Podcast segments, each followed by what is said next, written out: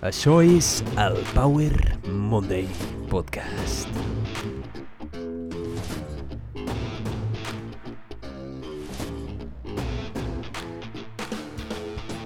Benvinguts a Power Monday Podcast, sóc en Pau, el teu apassionat de fitness, motivació i ciència. Aquesta setmana espero que estiguis fenomenal, que estiguis perfectament bé. En aquest episodi et parlaré d'una de les arts, una de les habilitats més importants en la nostra vida. L'art de negociar, la capacitat d'aconseguir allò que vols. Simplement negociant. Ho farem de la mà de Chris Voss, un dels millors negociadors de la història, i en la segona part parlarem del framing effect i el biaix cognitiu. La frase de la setmana diu així La persuasió no consisteix en el brillant, suau o contundent que ets en la negociació.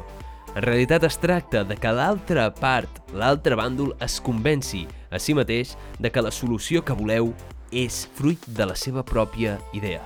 És a dir, aconseguir que l'altra banda es cregui que ha decidit. Això és l'art de la persuasió i forma part de la base de la negociació. Hi ha qui diu que tot a la vida és negociable. Bueno, potser no tot és negociable. Hi ha parts que has de viure sí o sí, però sí que la majoria és negociable. El que està clar és que a la vida estem sotmesos constantment a negociacions, però ningú ens ensenya a negociar. La vida és un negoci continu.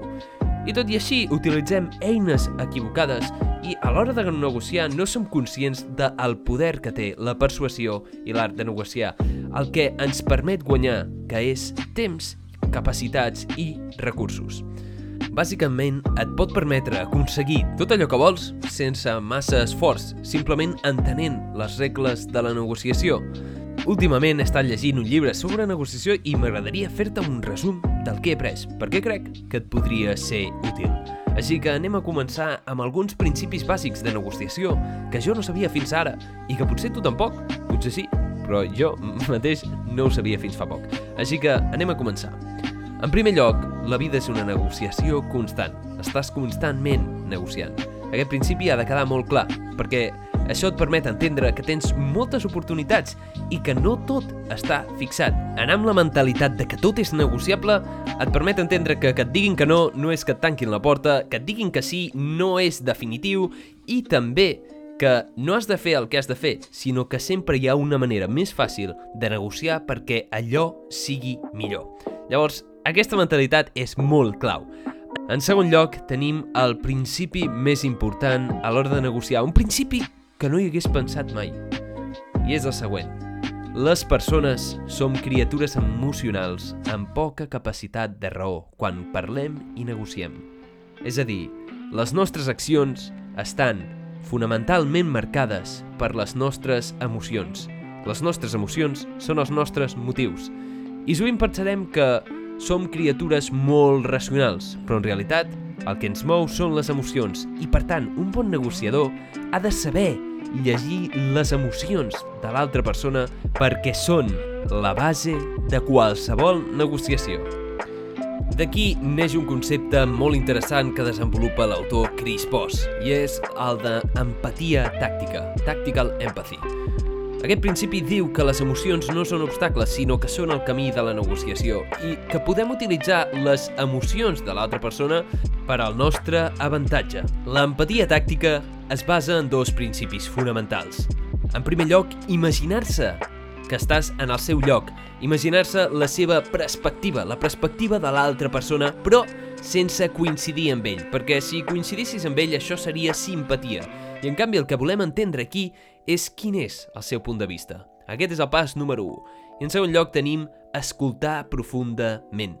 Escoltar profundament i activament, perquè escoltar i el silenci no és un fet passiu, sinó és el fet més actiu que pots fer en una bona negociació perquè en realitat el que estàs fent és recollir intel, recollir la intel·ligència, la informació que et permetrà entendre emocionalment a l'altra persona i després utilitzar aquestes eines per solucionar el problema que teniu en comú, el problema en el que esteu negociant.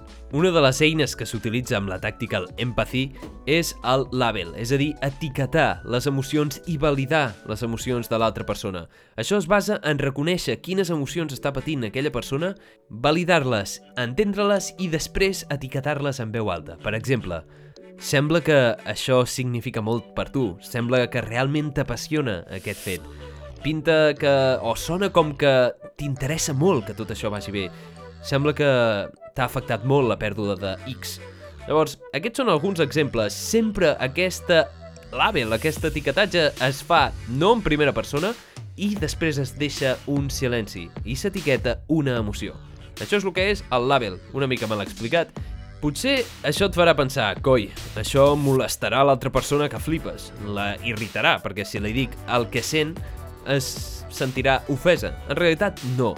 En realitat, el que veuen els estudis amb la tàctica l'empathy és que quan reconeixes obertament l'emoció d'una altra persona en tercera persona i sense jutjar la seva perspectiva, es tracta d'una drecera a la intimitat que costa més a les dues bandes. Per què? Doncs perquè l'altra persona es sent compresa honestament i des d'aquí es pot negociar molt millor. Quan et validen les emocions i sents que t'entenen, pots negociar molt millor amb les altres persones perquè parteixes d'un punt en el que estàs d'acord. L'autor de la frase d'avui és Chris Voss, un ex-negociador d'hostatges de l'FI que durant els últims 20 anys va ser el capdavanter a l'hora de negociar amb terroristes i segrestadors per part de l'FBI. Recentment ha format The Black Swan Group i ha publicat diferents llibres i dona classes a la Universitat de Harvard i altres universitats sobre negociació. És probable que pensis, Coi, negociar amb terroristes i negociar amb persones normals no és el mateix. Doncs bé, l'autor diu que això no és del tot cert. I diu que negociar amb terroristes és bàsicament negociar amb persones que s'han trobat en unes altres circumstàncies i negociar amb persones que tenen les mateixes necessitats emocionals que les teves. Per tant, Ara mateix està divulgant molta informació sobre com negociar i com comunicar-te efectivament amb diferents persones, ja sigui a casa, ja sigui en els negocis, ja sigui en diferents àmbits. I potser pensaràs, això de fer servir tècniques de negociació no és com molt rebuscat farem servir aquí la tècnica de tèctica, tàctica l'empathy, posarem aquí una etiqueta, etiquetarem les emocions... Doncs, en realitat, jo també ho pensava al principi, però això no és del tot cert. Perquè el que et permet la informació que transmet Chris Voss és comprendre com es formen les negociacions humanes i és una cosa que hem utilitzat al llarg de la història.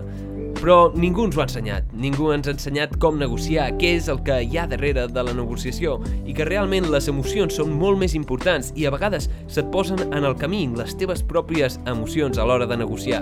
Creiem que som molt racionals, que podem fer servir les dades que tenim per negociar, però en realitat el que ens mou i el que ens motiva i també a les altres persones són les emocions, la necessitat de seguretat, control i validació. I ara parlarem en el segon punt d'una cosa molt important que determina també la negociació, els nostres biaixos cognitius. Tots els humans patim algun tipus de biaix cognitiu, inconscient i irracional, on el nostre cervell distorsiona la realitat i bàsicament depèn de la nostra perspectiva. La nostra perspectiva és la nostra realitat i no la dels altres. Això és bàsicament el nostre biaix. Llavors, tenim un efecte conegut com el framing effect i la teoria prospectiva que m'agradaria explicar-te avui. L'efecte de framing o l'efecte d'enquadrament descrit en psicologia és molt curiós i m'agrada bastant i demostra com la gent respon diferent a la mateixa elecció depenent de com està enmarcada, com està formulada la pregunta. Com et t'emmarquin la pregunta és molt important a l'hora de com responguis i aquest efecte el pots fer servir tu també a l'hora de comunicar-te amb altres persones. Les persones tendeixen a evitar riscos quan es presenta un marc positiu, però busquem riscos quan es presenta en un marc negatiu. Es tracta d'un viatge cognitiu on la gent decideix opcions en funció de si les opcions es presenten amb connotacions positives o connotacions negatives. Per exemple, com una pèrdua o un guany. Si et diuen que tens un 90% d'èxit de que una operació quirúrgica vagi bé, hi haurà més probabilitats de que acceptis l'operació i firmis el document que no pas si et diuen que tens 10% de probabilitats de que et vagi malament. Per tant, depèn de com et formulin les possibilitats, el teu cervell té més possibilitats d'acceptar-ne una o una altra. És una mica lo del vas mig ple o el vas mig buit. És l'efecte de framing. perquè les probabilitats són les mateixes. Les probabilitats de que la teva operació vagi bé, si tens un 90% d'èxit o tens un 10% de probabilitats de que et vagi malament, és el mateix però posat en un altre marc. Depèn de com et posin el marc, tens més probabilitats d'acceptar el que et diuen o no. No és el mateix si et dic que de 100 persones en podràs salvar 50 amb un tractament que se'n moriran 50. Només amb aquesta petita diferència, tot i que tècnicament és el mateix, tens moltes més probabilitats d'agafar la positiva. Diferents experiments que s'han fet amb el framing effect, amb l'efecte d'enquadrament, demostren com les persones en realitat no som gaire racionals a l'hora d'enfrontar-nos a problemes i que som més emocionals, sobretot quan se'ns presenten dades, perquè decidim més amb el que tenim a guanyar per evitar pèrdues emocionals que no pas el que hi ha a perdre. Llavors, això es basa tot plegat en la teoria prospectiva, la teoria prospectiva explica psicològicament per què prenem riscos no desitjats per enfrontar pèrdues incertes. Basat en una gran quantitat d'estudis controlats, veiem com els humans avaluem les pèrdues i els guanys de manera asimètrica. Per exemple, per a algunes persones, el dolor de perdre 1.000 euros només es podria compensar amb el plaer de guanyar-ne 2.000.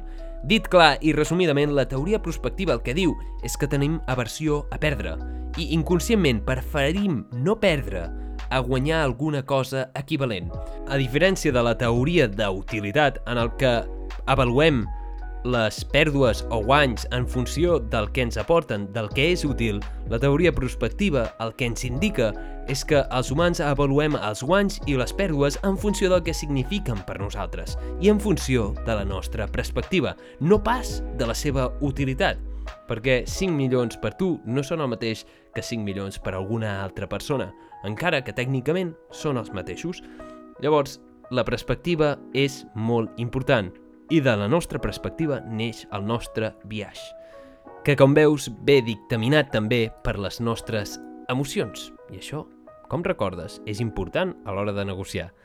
Aquesta teoria, la teoria prospectiva, va ser proposada per Daniel Kahneman i per això ell va rebre el Premi Nobel d'Economia. També és coneguda com a teoria de perspectives, que potser seria més encertat, però en anglès es diu Prospect Theory. Llavors, tinc una pregunta per tu. Ets conscient dels teus biaixos i de com aquests modulen les teves decisions? Això és tot per aquest episodi.